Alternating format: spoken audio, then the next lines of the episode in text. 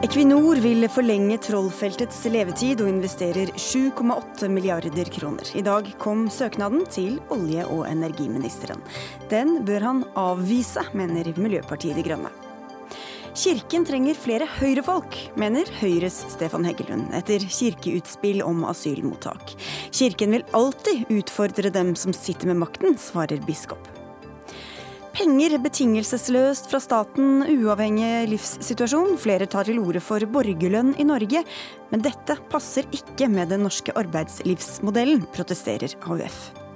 Og Vinmonopolet er de eneste som tjener på vinsalget sitt, skriver en vinskribent, som kritiserer polet for å ha en usolidarisk innkjøpspolitikk.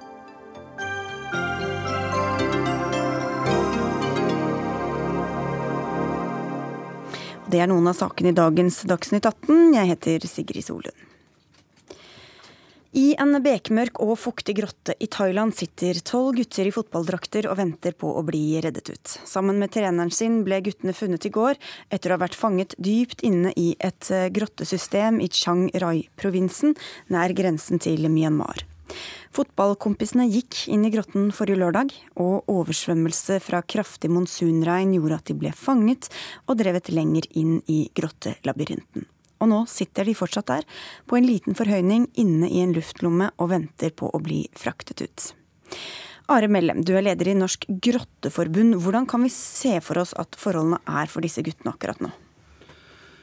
Ja, Vi må jo forvente at de har sittet inne i totalt mørke situasjonen akkurat nå vil jo være langt bedre i og med at de har fått både kontakt med verden og vet at de er funnet, og sannsynlig at de vil komme godt ifra det her. Det totale mørket har vært eh, ganske voldsomt, og de har nok sluppet opp for både mat og vann. Nei, vann har de hatt noe, men mat og lys har de sluppet opp for. Så, så, de har nok hatt det ganske spesielt eh, der inne, ja. Mm. For de har fått vann og, og, luft, det har de fått? Ja, åpenbart luft. I og med at de eh, har det godt, så har de hatt eh, vann og luft der inne. Og, og, ikke minst også temperaturen har vært relativt grei, i og med at de ikke har uh, hatt det problemet.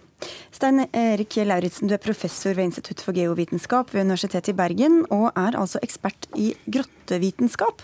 Hvordan har disse tolv guttene og treneren klart å overleve i ti dager, som vi var inne på? Ja, de har jo på en måte vært heldige, for dette er jo ei hule i et tropisk område. Og i eh, tropiske områder så kan det være veldig mye organisk eh, materiale sånn som ligger og råtner inni hulene, sånn at det er en viss sjanse for at det kunne ha vært eh, høyt CO2-nivå inni der. Men eh, all den tid det er rennende vann som går forbi, og at det åpenbart er en del sprekker og sånn som fører opp til overflaten, så har de hatt bra med oksygen, tydeligvis. Mm. Det andre poenget her er jo at dette er et med, med, at det er et tropisk område, er at uh, temperaturen inne i hula er nokså høy. Så jeg kan tenke meg den ligger på en, en uh, 4-25 grader eller noe sånt. Nå, så, så noen sjanse for å, å, å, å bli underkjølt, det har de heller ikke hatt. Men det er jo som Are sier, at det må ha vært en forferdelig påkjenning mm. å være i stummende mørke. I ni dager er det ikke så lenge de har vært der nå. Ja, Det kan vi bare forsøke å, å se for oss. Men nå er det altså anslått at guttene befinner seg rundt to kilometer inne i dette grottesystemet, og flere hundre meter lavere enn der hvor de gikk inn i grotten. Og så skal de forsøke å komme seg ut på et eller annet vis. Hvor intrikat og komplisert kan den veien ut være? Jo, det kan være ganske vanskelig. Jeg har kikka litt på internett på hvordan denne hula er. Og det ser ut til å være en sånn elvegrotte. og Det vil si at de har antageligvis gått inn gjennom eh, der hvor elva kommer ut, altså kildeåpningen. Og der er det gjerne ganske lavt. Og eh, jeg må bare si det at det, det er jo nokså ubetenksomt å krype inn i en sånn hule i et eh, monsunregnområde uten å sjekke værmeldingene grundig på forhånd. For det er ikke første gangen folk har blitt stengt inne på den måten der. Men de har åpenbart opplevd da at eh, vannet har steget, og så har de et Vil nok jeg gjette på at de har gått lenger og lenger inn for å komme til eh, områder som ligger litt høyere og over elveleiet. Mm. Så, så vidt jeg skjønner, så er de nesten fire kilometer inni der. Mm. Og det er vel nesten utenkelig at de grottedykkerne som har kommet seg inn der, skal kunne klare å eh, buksere noen av dem ut igjen gjennom vann. Så det må nok finnes andre løsninger. Ja, Mellem, hva synes du om, om det er altså en 25 år gammel fotballtrener som har tatt det med på denne turen? Hvordan har han eh, håndtert dette, syns du? Han gjorde jo åpenbart en uh, ubetenksom feil da han gikk inn, uh, som Stein Erik sier, at uh, det å overhodet gå inn der uten å ha kontroll på vannstand, grunnvann og, og, og nedbør, det, det, er en ganske voldsom feil å gjøre da. Men så har han da også gjort noe åpenbart bra. I og med at disse her ble funnet samla, så har han da holdt kontroll på gruppa, stilt krav til at de var samla, og han har også da, vil jeg anta, stilt krav til at de ikke finner på eh, individuelle sprell som gjør at man da utsettes for skaderisiko. Så han har holdt dem i ro, han har holdt dem samla, og sannsynligvis da også holdt en form for mot og eh, slags form for eh, situasjon som da har klart å ivareta dem også på, på eh, mot og, og, følelser. Vi må snakke litt om redningsarbeidet her. Mikkel Stokke, du er en styremedlem i Norsk Grottedykkerforbund. Ja, det stemmer. Um, og nå eh, vurderer jo redningsmannskapene hvordan de skal få disse guttene ut eh, derfra. Et av alternativene er å gi dem dykkerutstyr og lære dem til å dykke, sånn at de kan svømme ut derfra selv. Hvor krevende kan det være? Det tror jeg blir en veldig stor eh, utfordring. Både å drive opplæring. Aldri dykke før, og så plutselig så skal du svømme gjennom en grotte. Nå vet jeg ikke helt hvor lang den er. Det vet kanskje Stein Erik. Hvor store deler som er eh, dekket av vann. Ja, det fremkommer ikke av det jeg har eh, klart å få tak i på internett. Men jeg har i hvert fall to ganske lange vannlåser. Mm. Og totalt sett så er det jo nesten fire kilometer inne i eh, fjellet nå. Mm. Vannlåser, det er altså sånne områder Det blir en kjempeutfordring. Ja. En vannlås, det er, det er området hulrom hvor ikke det er noe oksygen eller luft altså i det er liksom en Stein Erik har nok et uh, litt mer uh, Prøv å beskrive, Beskri Jeg skjønner at alle i grottemiljøet kjenner hverandre her. Uh, ja. Lauritzen, disse vannlåsene, hva er det for noe? Jo, det er altså en passasje hvor vannet står helt opp til taket. Mm. Ikke sant? Og da, da, er det ikke noe luft, og da må du ha sykkerutstyr. Mm. Og slik som det er i, i, fall i dette området her, så er det jo veldig mye gjørme i vannet. Så det har jo vært sagt at det er som å svømme i kaffe, og det tror jeg er bare fornavnet på det. Det er vel som å svømme i brun maling, tenker jeg. Så det er en veldig utfordrende sak. Fortsett dere. Ja, jeg tenker jo uh, å lære dem å dykke. Det, å begynne å dykke grotter sånn, det tror jeg kanskje kan være en, en litt dårlig idé. Uh, når du ser videre på hvordan uh, hva som kanskje er hensiktsmessig her, er nok å gi dem en form for utstyr som gjør at de kan kommunisere med en dykker. For de skal, kanskje, kanskje de skal langt. Så sånn helmaske f.eks. Med kommunikasjonsutstyr, sånn at man de ikke trenger å lære på å dykke på samme måten. Man trenger kanskje ikke de samme ferdighetene. At uh, man kan kanskje svømme At man, de rett og slett blir svømt ut mm. av uh, redningsdykkerne. Uh, kan nok være en veldig god idé, da. At de kanskje er to redningsdykkere med en, et barn imellom ja. eller noe. At, de blir trukket på en vis? Ja, ja, at de liksom blir ja, holdt svøm, ut, rett og slett. Ja, dratt ut, og så kan de kommunisere og Det er um, det, det, tror jeg kanskje er en bedre løsning, skal jeg være helt ærlig. Men det kommer litt an på. Hvis de skal, eh, hvis de skal plutselig svømme kanskje 600-700 meter, hvis det er eh, så store deler som er dekket med vann, eh, så tror jeg at, som eh, det var vel eller Stein Erik som nevnte tidligere, at da er det kanskje bedre å finne andre muligheter enn å begynne å svømme. Du har jo dykket i grotter selv, åpenbart. Hvordan er det annerledes å dykke i en sånn grotte enn å dykke på, eh, i vanlig sjø? Eh, det er, ehm, det er mye av det samme. Man må puste og ha veldig god kontroll i vannet. Ferdighetene er, eller er høyere krav til kanskje ferdigheter i et grottemiljø. Både fordi hvis noe skjer, eh, så må vi ut samme vei vi kom fra. Nå skal det sies at den grotta vi har sett litt på skjermen her, sånn, Eh, hvor de eh, Nede i Thailand så er det veldig dårlig sikt. Eh, det er, det er veldig lite rekreasjonelt, i hvert fall for min del, da, å begynne å krype inn steder hvor det ser ut som kaffe. Mm. så, da, så, vår sportsdykking er mer en naturopplevelse. Ofte kjempestore rom, masse fine formasjoner under vann, ofte kjempegod sikt, ofte mye bedre sikt i grottene i Norge enn det, enn det du vil ha i kanskje i havet. Da. Ja. Men du, eh, Lei Lauritzen, eh, da du så denne videoen som sikkert mange har sett av dykkerne som, som finner dette fotballaget og snakker til dem, så, så dro du kjensel på en, en stemme du hørte? Ja da, det er to eh, britiske, eller det er tre britiske grottedykkere der nede. Og han, eh, en av lederne der, han heter Rick Stanton, og han kjenner jeg litt fra før. Han var og holdt foredrag i Bergen og forskjellige steder. Så det kunne jo høres ut som det var hans stemme, og han som hadde kamera på seg da de kom opp der. Og det må ha vært en eh, fantastisk sterk opplevelse for de stakkarene som satt på bredden der inne. Da, Hva kan du si om de folka som nå er dratt for å faktisk redde disse guttene? Guttene? Ja, de er jo helprofesjonelle. Og for å kunne være rednings... Altså grotteredning dykker, så må du jo være 100% på den sikre siden og være iskald og holde deg rolig selv om det er krevende situasjoner. Mm. Eh, mange har kanskje fått med seg denne redningen som eh, Sami Fakarin gjorde for et par år siden i Nord-Norge, hvor han tok ut to omkomne kamerater. Mm. Og det, de operasjonene der, det er ikke for hvem som helst, altså. Men i forkant av dette, mm, Are Mellem i Grotteforbundet, så var det jo også flere enn eh, Eller mange som, som, gikk rundt for å prøve å finne disse guttene, da. Eh, hvordan har det da og, å dykke ned i disse grottene? Hvordan har det vært for dem å prøve å finne dem og kommunisere med hverandre, mens de har gått da fra luftlomme til luftlomme inn i, inn i dette grottesystemet? Ja, Kommunikasjon i grotter. Det vil jo alltid være slik at en redningsaksjon har en form for kommunikasjon. Men vanlige folk som går inn i ei grotte, de har ingen annen kommunikasjon med omverdenen enn seg sjøl internt. Det er først når du kommer ut til inngangen at du kan uh, kommunisere med omverdenen. Så det fins ingen GPS, ingen mobiltelefon eller noe som helst som fungerer under bakken.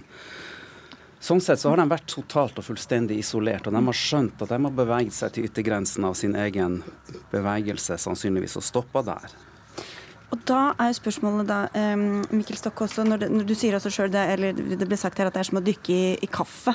Hvordan manøvrerer man seg, hvordan finner man ut hvor man er og hvor man skal i en sånn situasjon? Det det må jeg ærlig innrømme. Du har ikke vært i den situasjonen? Jeg har heldigvis ikke vært så ille. Jeg har aldri gått inn med det. Når vi dykker, eh, dykker grotte eh, innenfor liksom sportsdykking, eh, så dykker vi jo med en line som hvis, hvis, vi, hvis det blir dårlig sikt av sedimentene som ligger på bånn, så har vi en line som går hele veien ut til, til åpningen. Men her sånn så gjør jo de noe annet. Her skal jo redningsdykkerne innover og svømme seg fremover og kanskje legge en line. Prøve å få den sånn eh, noenlunde greit og prøve å være litt effektive. Eh, så det Det står sterk respekt av at de klarer det, for det tror jeg er en ganske og Så veit du ikke hvor langt du kommer. Du driver og svømmer og leter deg frem og ser Ja.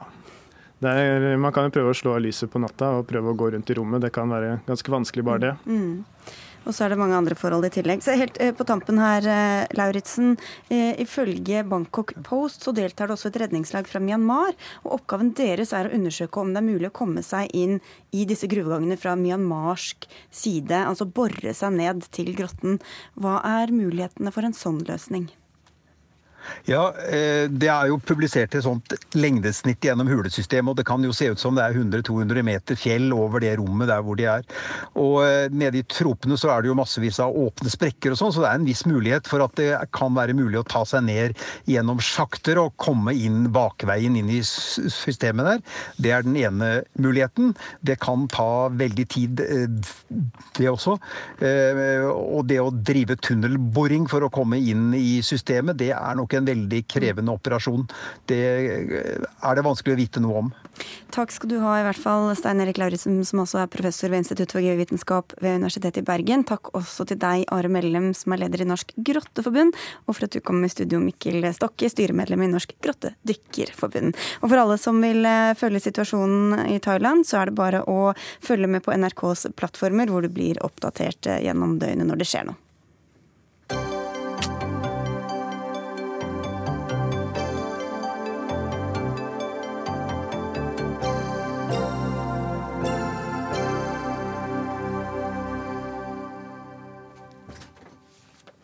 Alle er enige om at den norske gullalderen i gass- og oljebransjen nærmer seg slutten, sakte, men sikkert. Og oljeselskapene er ivrige etter å melke ut oljefeltene på norskekysten. Equinor, tidligere kjent som Statoil, la i dag inn en søknad for å investere nesten 8 milliarder kroner for å hente ut ytterligere 2,2 milliarder fat med olje og gass i Trollfeltet utafor Hordaland ut fram til eller mot 2050. Eh, og dette kan gi over 1000 milliarder kroner i inntekter til statskassa. Tina Saltvedt, du er Nordea-analytiker innen grønn energi og klimarisiko. Hva betyr denne utbyggingssøknaden fra, fra Equinor? Ja, det er klart at Her eh, ser de jo på potensialet å bygge ut et område som allerede er utbygd. Dette er jo tredje fase av nettopp Troll-utbyggingen.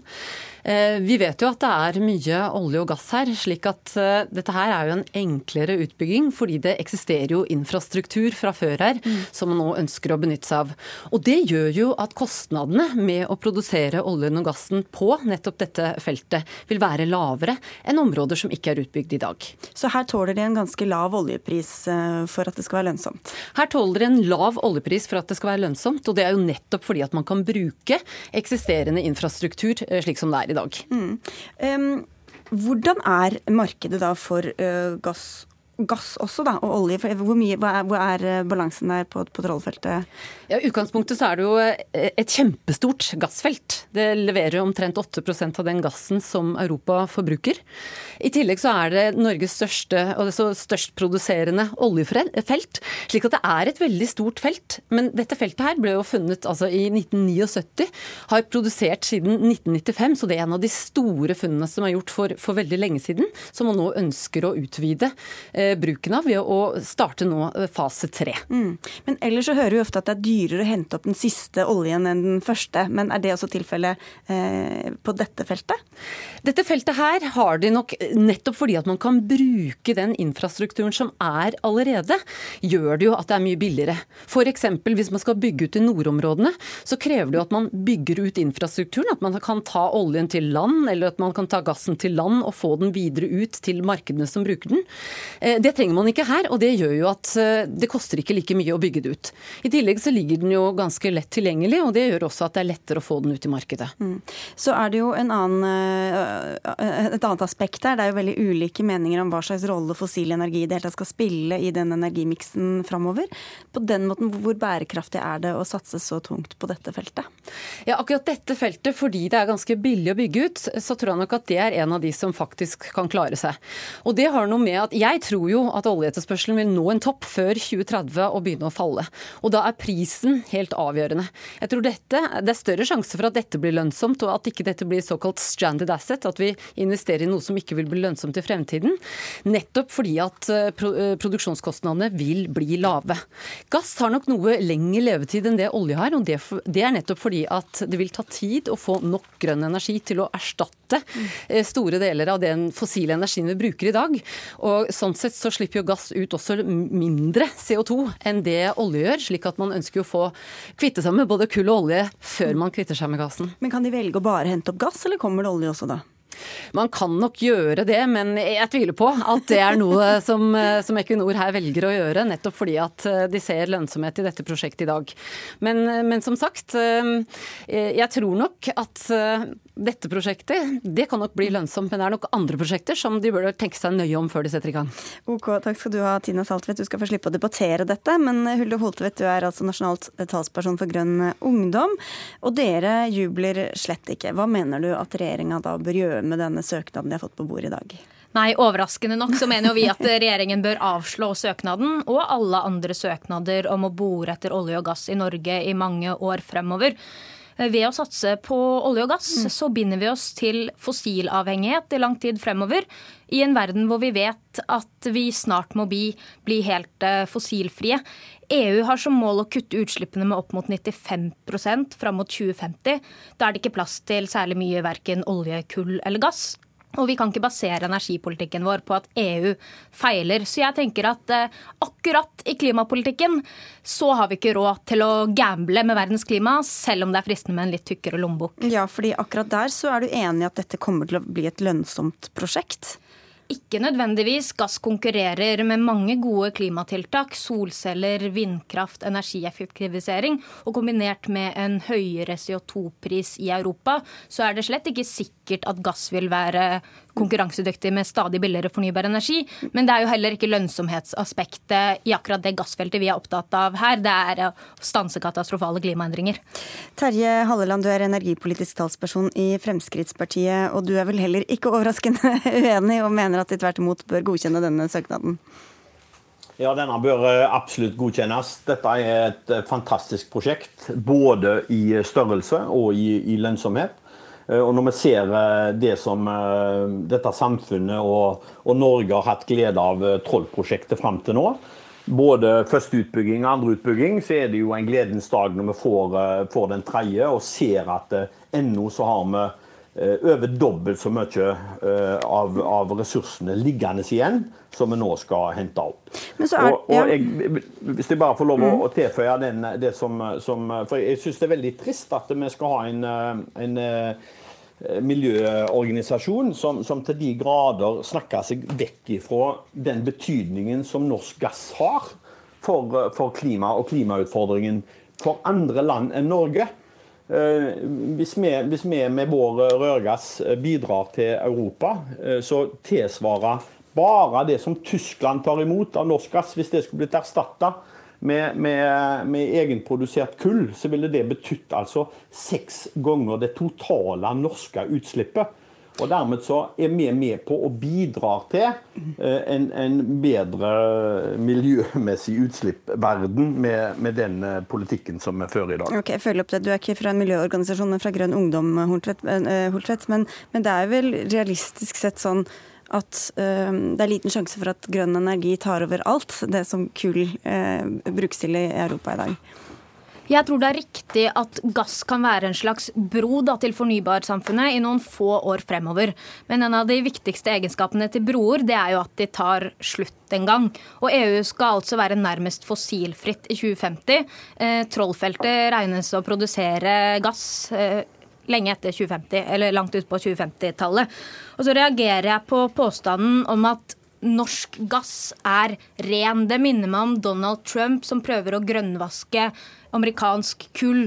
Så lenge Norge produserer olje og gass, så er vi et land som bidrar til å skape klimaendringer, ikke til å løse dem. Og For meg så koker denne debatten ned til et valg mellom en bitte litt tjukkere lommebok akkurat nå, eller at Norge skal være et land som bidrar i klimadugnaden for å hindre de menneskelige og samfunnsmessige tragediene som kommer av temperaturstigning. Halleland, det er jo sånn at Norge har forpliktet seg til å begrense oppvarminga til under to grader, helst eh, halvannen.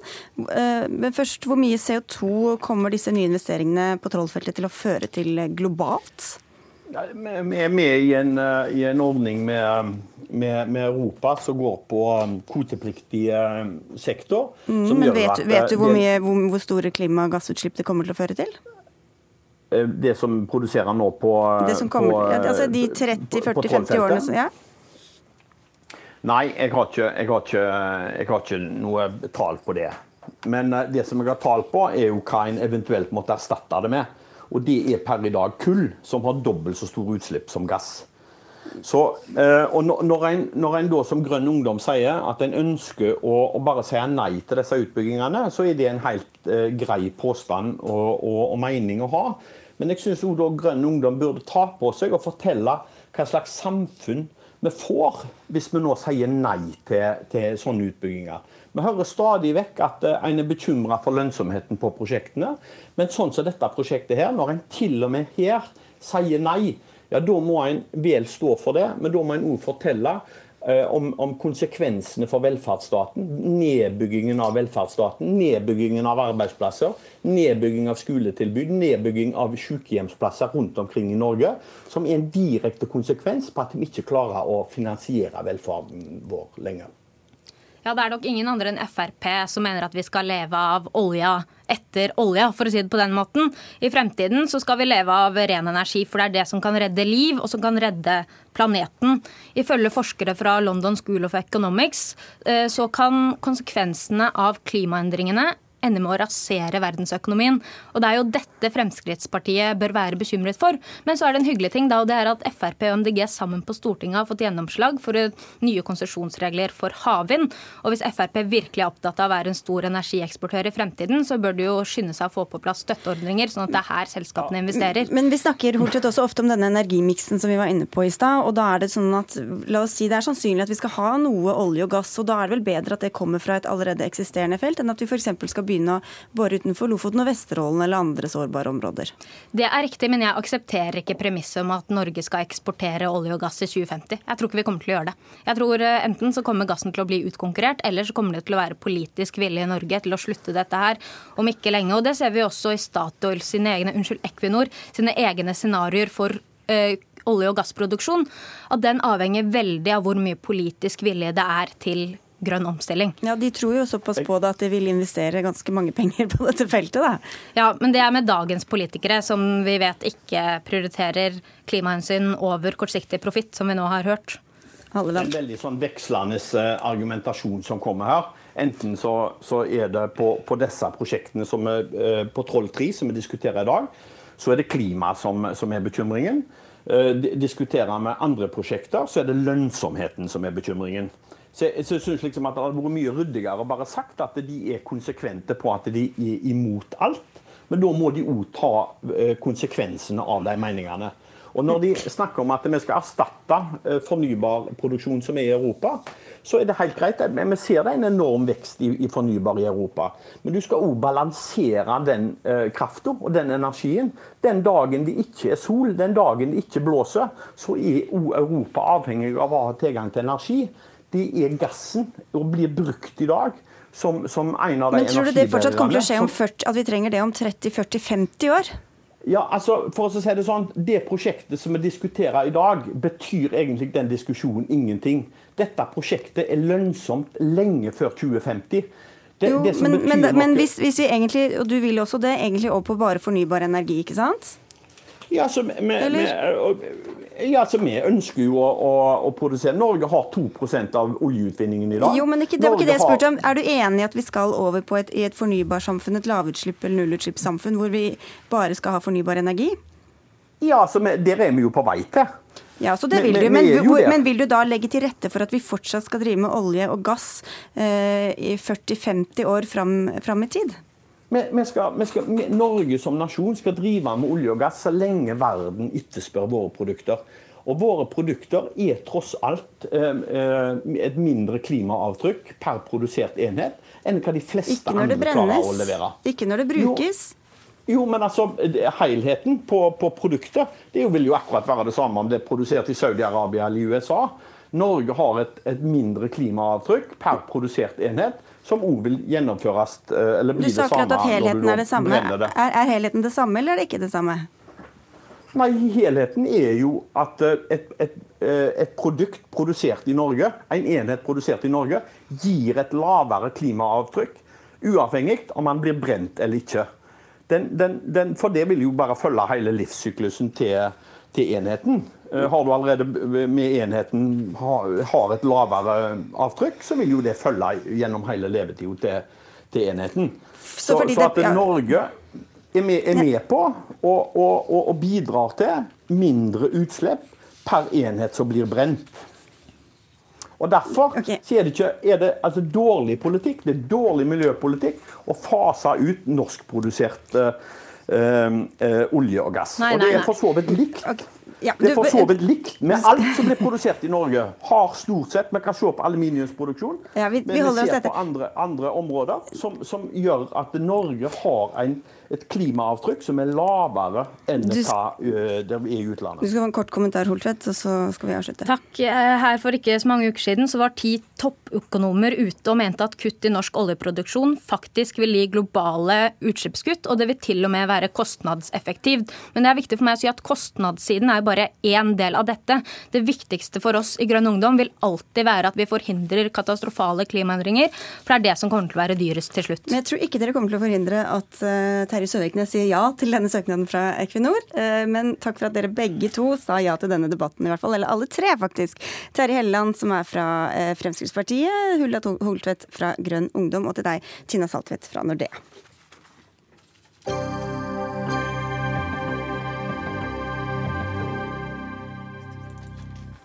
Det er dypt umoralsk dersom man nå forsøker å kjøpe mennesker vekk fra våre land. Slik omtalte preses Helga Byfuglien EUs forslag om å opprette mottakssenter i Nord-Afrika i vårt land her om dagen.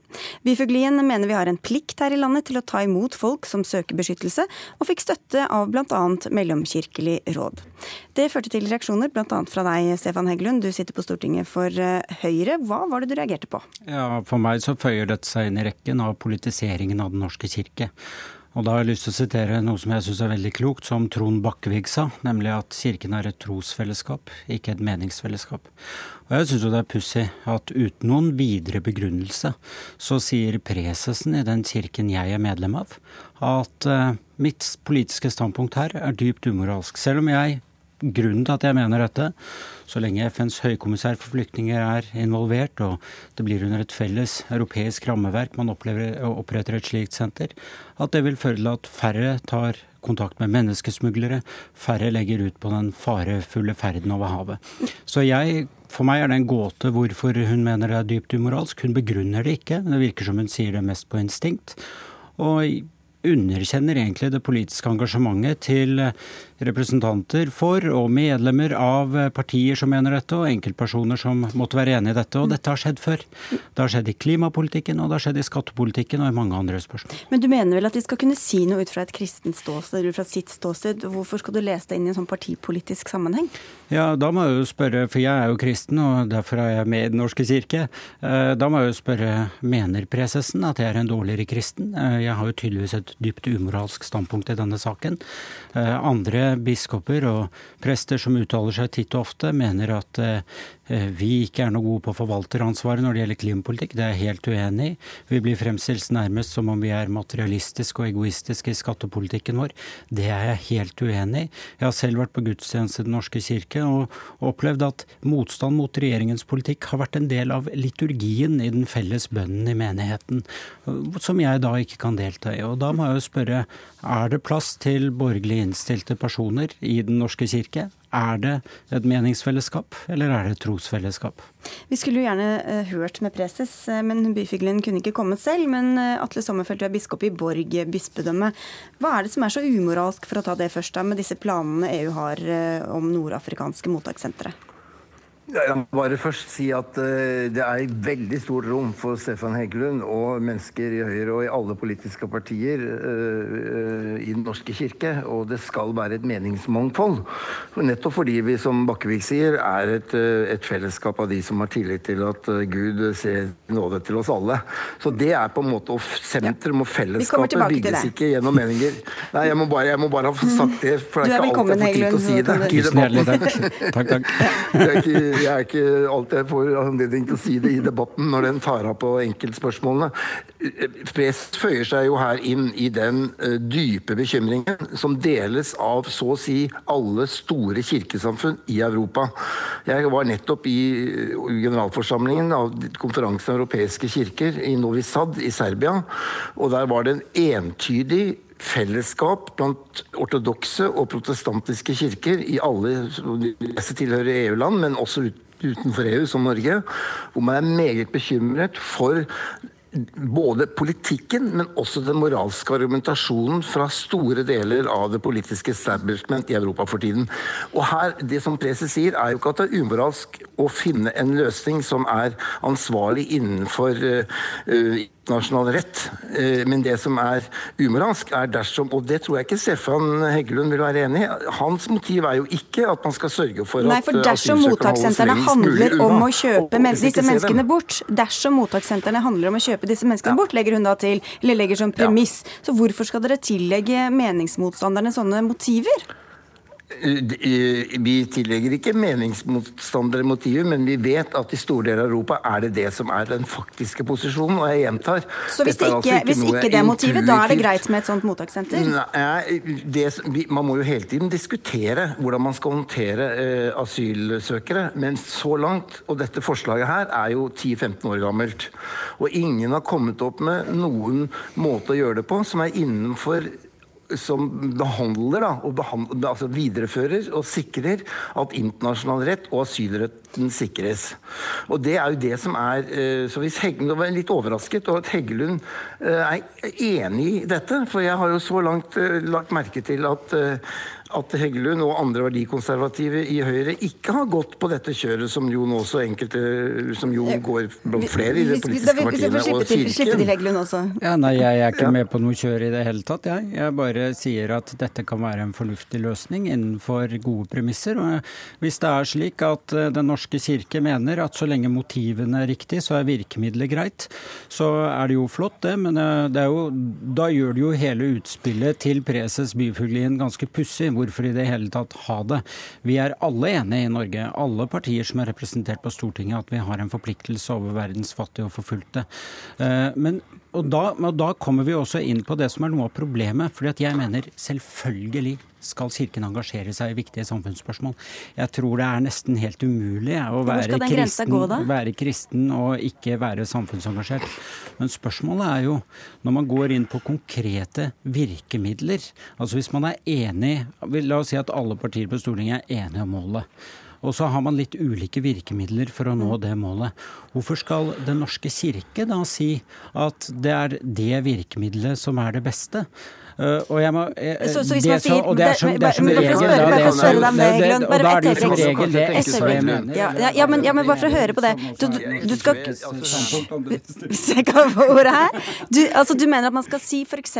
så er det greit å si vi mener at vi skal ta vare på skaperverket, men så skal man backe helt ut og si men hvordan? Det er opp til dere kloke politikere på Stortinget. Det skal ikke vi mene noen ting om. Nei, men altså, la oss si sånn, Jeg er jo enig med alle disse prestene og biskopene som har vært ute og, og snakket mot konsekvensutredning utredning av Nordland 6, 7 og Troms 2.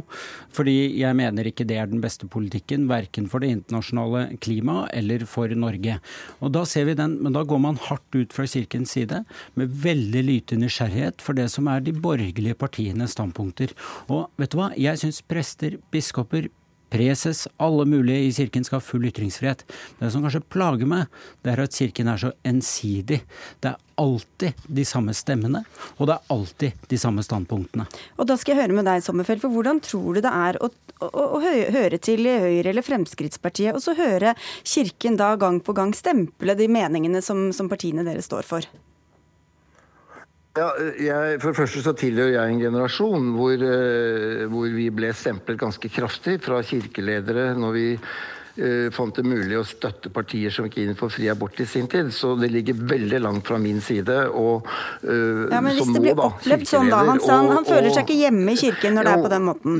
Nei, nei, men altså For det første så mener jeg, bare for å ta en liten runde av dette med flyktningpolitikken Det er jo faktisk ikke riktig at alle politiske partier på Stortinget nå står helt entydig fast på at internasjonal rett og asylinstituttet skal beholdes og okay, bevares og videreutvikles. De eksemplene til side, så tar vi det overordnede som du egentlig ville snakke om innledningsvis også.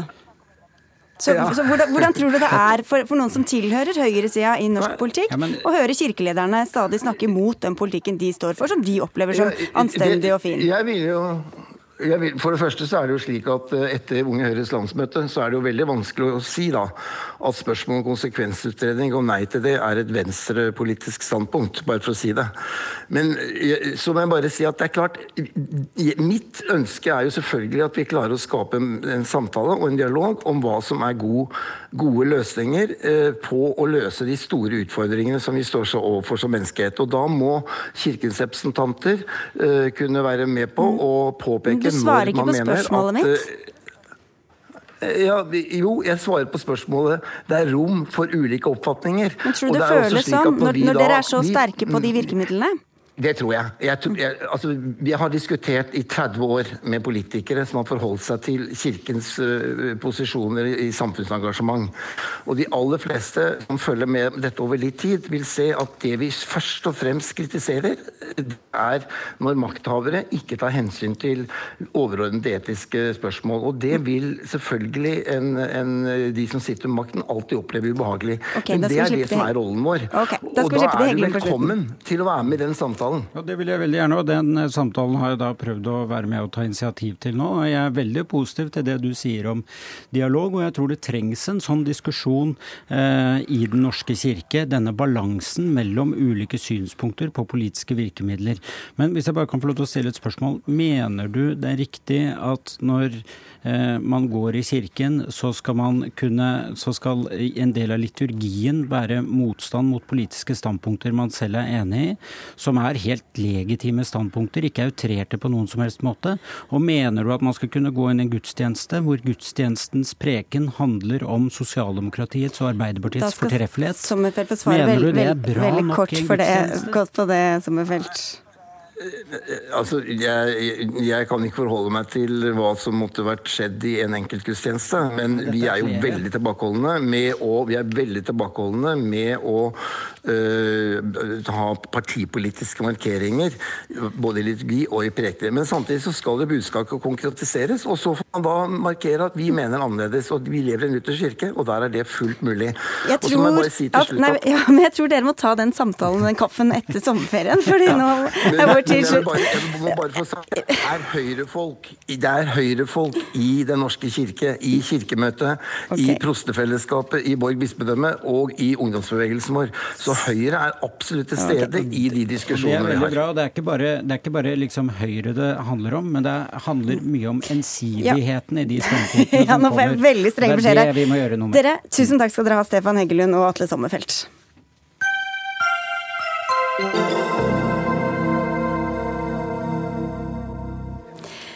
Penger i hånda uten å gjøre noe høres deilig ut, eller hva? Dersom eh, Grønn Ungdom får det som de vil, kan du få noen ekstra tusenlapper inn på konto hver måned uten at du gjør noen verdens ting.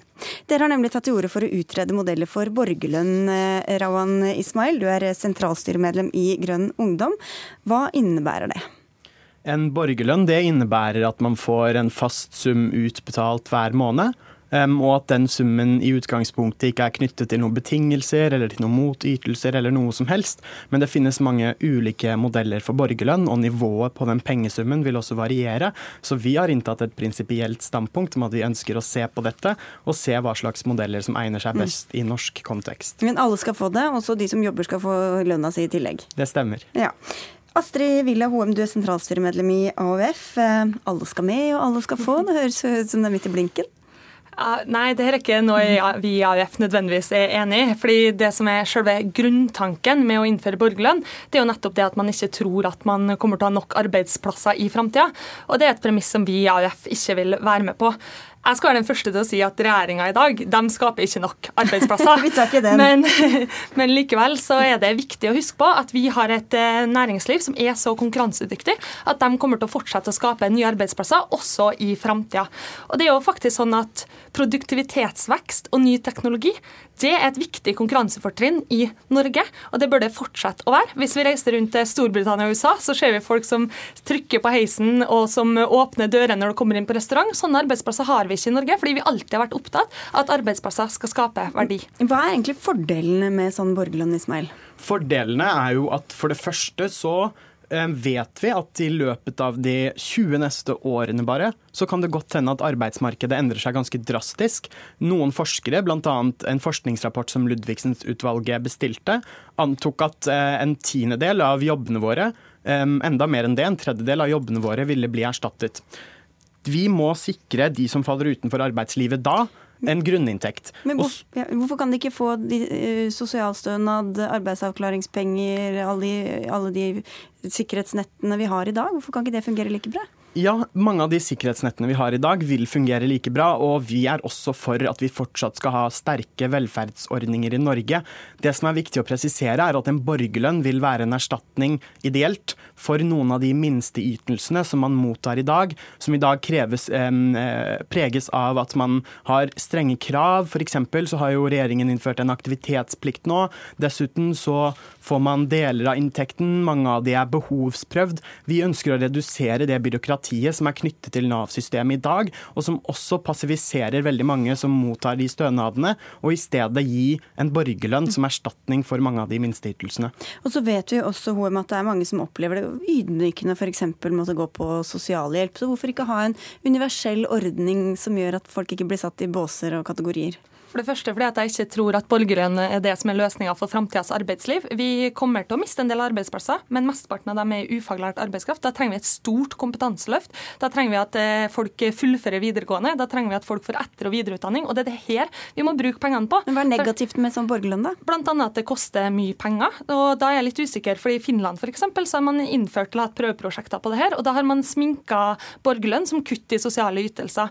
Og Grønn Ungdom, jeg vet ikke om de er klar over hva det koster hvis man skal legge seg på finsk modell, så snakker vi om 14 milliarder. Hvis vi skal legge oss på andre modeller, så snakker vi om 800 milliarder kroner. Det er snakk om ganske store summer. Den finske modellen, der satte de av 650 millioner kroner på å bruke det over en toårsperiode. Nå ble jo det finske forsøket avlyst etter et år. De ville ikke videreføre det. Men det ville kostet 650 millioner. Men det er bare 240 millioner av de kronene som gikk til direkte kontantutbetalinger til de som var med i forsøksordningen. Og det vi vil se på, er jo nettopp de tingene som HM, lyst, eh, som HM er opptatt av, og AUF er opptatt av. At det skal fortsatt f.eks. For være gode ordninger for utdanning, gode ordninger for videreutdanning. At vi fortsatt skal ha et kompetanseløft for den ulærte arbeidskraften, som er helt helt riktig at det er den som er sterkt utsatt da, med digitaliseringen.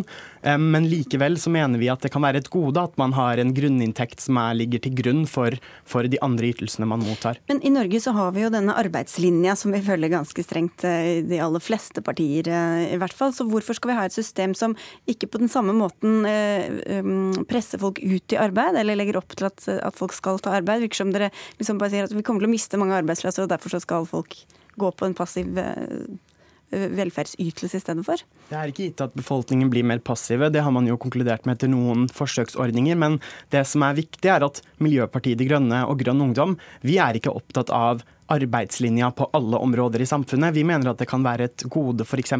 om partene i arbeidslivet tar ut produktivitetsveksten i mer fritid. Og f.eks. Eh, må vi se på andre måter å definere arbeid på. Det at en far passer på barnet sitt hjemme i noen perioder, det er også arbeid, og det er også viktige verdier i samfunnet. Så vi må kunne redefinere verdien av arbeid og frislippe fri, kjøpekraften fra arbeiden. Det er jo sånn at Arbeid det ligger jo ganske dypt inne i norske folkesjeler. Vi er jo glad i å gå på jobb, vi trives på jobb, vi er opptatt av å bidra tilbake til samfunnet. Og når man har forska på lykkenivået blant nordmenn, så ser man at det ligger ganske stabilt. Det går litt opp og ned, opp når man gifter seg, litt ned når bikkja dør.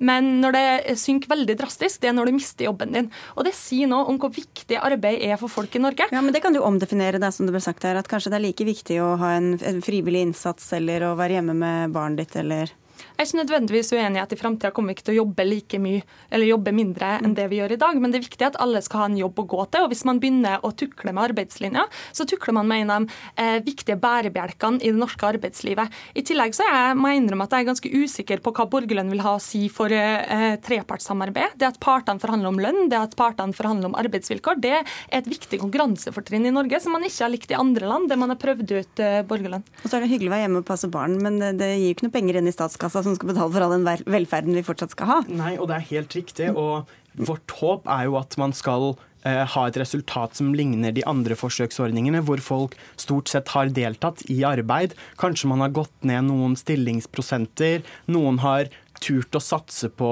gründerbedrifter, um, realisert ideene sine, mens andre har valgt å bruke tiden sin på å være hjemme med barn. Men stort sett så har folk vært i arbeid. Uh, og jeg er også helt enig med AUF i det, at det er kjempeviktig. Og for veldig mange så er arbeid det som gir livet mening, sammen med mange andre ting i hverdagen. Så det skal vi, det skal vi slå ring om. Men det er også viktig å vite at når det kommer til arbeidslinja, så følges ikke den overalt. Vi har en sykelønnsordning som legger til rette for at det ikke lønner seg å jobbe. Dere, vi, vi kan ikke gå videre, dessverre, men vi skal si tusen takk til, denne, til dere i denne runden.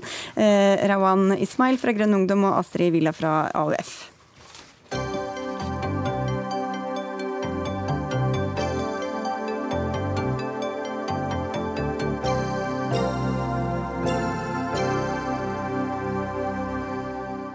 Kanskje sitter du akkurat nå og tar et glass kald musserende vin i sommervarmen mens du hører på, men har du da skjenket en tanke til vinbonden som har laget vinen? I Aftenposten kunne vi for noen dager siden lese at norske vinimportører går med på prisnivåer som er så lave at det bare er Vinmonopolet selv som tjener på omsetninga. Og de som taper mest, er vinbonden, skriver du Nils Are Økland. Du er restaurantanmelder og vinskribent. Forklar oss hvordan dette systemet virker som går ut på den måten. Vinmonopolet har mange gode sider, eh, men alle blir bedre av kritikk. Og dette er da et forsøk på å komme med en konstruktiv kritikk av eh, deler av innkjøpspraksisen til Vinmonopolet. De eh, bestemmer noen rammer for viner som skal inn på nyhetsslipp, og da er pris en viktig faktor. Og når den prisen settes for lavt, så kan det føre til at vinbønder lar seg presse til å selge for en pris som de ikke burde selge til. Eller det kan føre til at eh, man ikke får med de vinene som virkelig er interessante innenfor kategorien. Altså I dyrere eh, kategorier vil jo det være tilfellet. Så, så Vinimportørene lar seg styre av Vinmonopolet og presser prisene ned i den andre enden? Ja, mens Vinmonopolet sitter med en fast, forutsigbar avanse uansett hvilke flasker de selger. Hmm. Geir Mosæter, direktør for innkjøp i Vinmonopolet. Hvorfor holder dere på på denne måten? Ja, Først kan jeg vel starte med å takke Nils Arne for at han tar, tar tiden med å skrive en slik kronikk. Vi ønsker å være polet for alle, eh, og det er faktisk en ganske vanskelig balansekunst. For at det er eh, veldig mange forhold å ta. Vi skal samarbeide med vinbønder, vi skal samarbeide med bryggerier og brennerier, politikere, organisasjoner og avholdsbevegelser, og ikke minst våre kunder. Og alle disse har enkelte ganger motstridende hensyn. Eh, så jeg kjøper ikke helt Nils Arne sin, sitt forsøk på, på kritikk. Vinmonopolet har jo en enorm produktportefølje, eh, masse produktkategorier. Vi skal vise bredde, dybde i alle priskategorier, og det er det vårt arbeid går ut på. Vi forsøker på ingen måte å presse prisene slik at de fremstår som ja, hva man kan kalle uanstendige. Bare for å ta et eksempel som viser det problematiske ved dette. Nå fra det kommende nyhetsslippet. Da eh, slippes det nå på fredag en ungarsk hvitvin fra et område som heter Matra. Her er det da bønder som har jobba gjennom år. De jobber natt og dag. Eh, de eh, stråler den dagen de får høre at den kjempestore aktøren i Nord-Europa faktisk ser mot det lille området. Så kommer anbudet, og så ser man at prisen de kan få for dette for å vinne, er så lav at de aller fleste avstår. Og hvem står igjen som vinner? Det er en fransk eh, oppkjøper som da tapper ungarsk vin. Det er altså kjøpt bulk fra Frankrike. Og så har man da den situasjonen at nå på, på slippet på fredag, så er det fransktappet ungarsk vin mm. til 96 kroner. Og du setter også dette i sammenheng med at, at Vinmonopolet er så ivrig på å hele tiden skaffe nye viner inn i hyllene eh, og ikke tenke langsiktig. Det, det, å skape en, Hvis man da vinner et sånt anbud, så kan man selge 20 000-30 000 flasker. Eh, det gjør at man må skape sammen alt man har for å kunne dekke eh, liksom, en sånn leveranse. Eh, et halvt år seinere ser bildet helt annerledes ut. Da er det nye trender, og da er det plutselig helt andre viner som etterspørs. Og da er det veldig, det kan være veldig krevende for en liten eh, vinbonde å eh, si, finne kjøpere til en så stor produksjon. Hvorfor skal dere ha så mange nye viner hele tiden, Moser, i stedet for å tenke litt langsiktig og forutsigbart for de stakkars vinbøndene? Eh, jeg vil først bare knytte en kommentar til Nils Arnes eh, eksempel. For dette er jo et, et eksempel eh, som faktisk ble til, anbudet ble til etter innspill fra importørene til Norge. De har vært i området og sett at her er det en type vin som kan selges med, med god, forhåpentligvis god suksess til ca. kroner 100. Vi gikk ut med et anbud der vi spurte etter en salgspris på 100 kroner. Vi fikk ti tilbud, og vi valgte heller ikke det billigste. Så dette, er, eh, dette anbudet kommer fra bransjen selv. Da. Og så til denne, denne forutsigbarheten eller manglende sådan? Eh, ja, og Den manglende forutsigbarheten. Selger du nok? Eh, Vinmonopolet har jo et målesystem. Vi skal jo likebehandle alle importører. Det er vi jo pålagt gjennom regelverket. Og noe annet vil jo være helt feil. Og likt som all annen handel, så har vi plass til så og så mange viner i den kategorien, i den kategorien. Så lenge du selger nok eh, og er innenfor hva vi kaller et styringstall, det er hvor mange produkter som skal være innenfor et segment, eh, så forblir du. Og enkelte viner har jo vært hos oss i 10-20-15 år. Slår ikke vinen til, dvs. Si at den ikke selger, mm. så havner den utenfor dette styringstallet, og da faller man jo ut av sortimentet. Okay. Og dette er, likt, dette er, jo likt, som alle andre, og dette er svært forutsigbart. Du, da skal vi innom deg, Merete Bø. Du er vinanmelder for Dagens Næringsliv og er vel også litt med på å bestemme hva det er vi kjøper eller ikke kjøper. Um, men hvor, hvor, hvorfor, eller er det sånn at vi endrer vinpreferanser så ofte? Nei. Uh, jeg las uh, et uh, var Vinmonopolet sin egen undersøkelse fra 2015, vel å merke. Men da hadde de eh, uttalt at det tok ca. 15 år før trenden begynte, ofte i Oslo, sentrale deler av Oslo, gjerne på Frogner, eh, til at trenden kom til eh, Trøndelag, som var ofte den siste plassen der trenden kom. Og dette er jo Vinmonopolet seg sjøl som sier, og 15 år er jo ganske lang tid. Så hva, hva, gjør det da med eller Hva syns du da om at viner er såpass kort, eller en del viner da, er såpass kort tid i, i, hyllene? Altså Seks måneder er jo bare problematisk, for folk, får, folk flest får ikke det med seg. Altså, det er gjerne mange som blir nysgjerrig akkurat der og da, og så prøver de det. Eh, og så tenker de at ja, den skal jeg kjøpe igjen, og da er den vekke fra hylla. Altså seks måneder er veldig kort tid, da. Mm. Eh, og så går det utover vinbonden til slutt, fordi at de får som sagt kanskje en stor bestilling på mange tusen flasker. og for å dekke det norske behovet, da, som er veldig ettertrakta uh, ute i verden, så, så, må de kanskje ta for andre marked. Flasker som de kanskje hadde solgt til USA eller til England. Uh, ja. Og da taper de en sjanse der, da? Ja. ja. Men tror du at forbrukerne Vi vil vel ha nye, spennende viner også? Så hvis vi hadde fått færre å velge mellom, så hadde det ikke vært så populært heller? Selvfølgelig, men jeg tror ikke det som blir lansert nå på fredag, er 70 viner ca. Eh, og det skjer ca. seks ganger i året. Eh, og det er ganske mye nye viner på polet for folk flest å svelge. Jeg tror ikke noen hadde reagert hvis det var 30 mm. seks ganger i året, f.eks. Altså Det vi alle er enige om, det er at det er bra med større mangfold på Vinmonopolet. Ja, og spørsmålet er jo hva er den beste måten å eh, legge til rette for det på. Og der er da mitt forslag at man gir de enkelte butikkene litt større myndighet til å bestemme over vareutvalget. Da vil man få et vareutvalg som er bedre tilpassa det lokale markedet. Det er Trøndelag eller eh, Oslo eller Lillestrøm eller eh, hvor mm. enn det måtte være. Fordi det er relativt store forskjeller i salg, og da vil man òg kunne synliggjøre den store ressursen som er disse femsifra antall flaskene som finnes i bestillingslisten, og som folk flest ikke ser. Da er det masse forslag her motsetter. til hvordan du kan gjøre dette bedre. ja, jeg er veldig veldig glad for, eh, for alle forslaget. Nå er det en gang sånn at Vinmonopolet har et sentralt basissortiment basert på butikkens størrelse.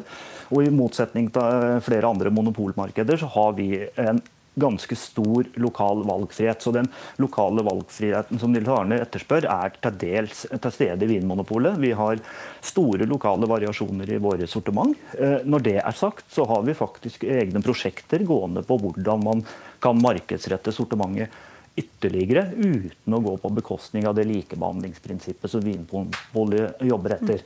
Og så må jeg knytte en kommentar til det Merete sier, at eh, når vi lanserer viner, så skal de være å finne i vårt basissortiment i tolv måneder. Eh, dette kombinert med den prisen Nils Arne snakker om, er at importøren eh, står fritt etter seks måneder til å fastsette den prisen han selv, selv ønsker for den vinen med den risikoen at kanskje forbruker syns at produktet blir for dyrt.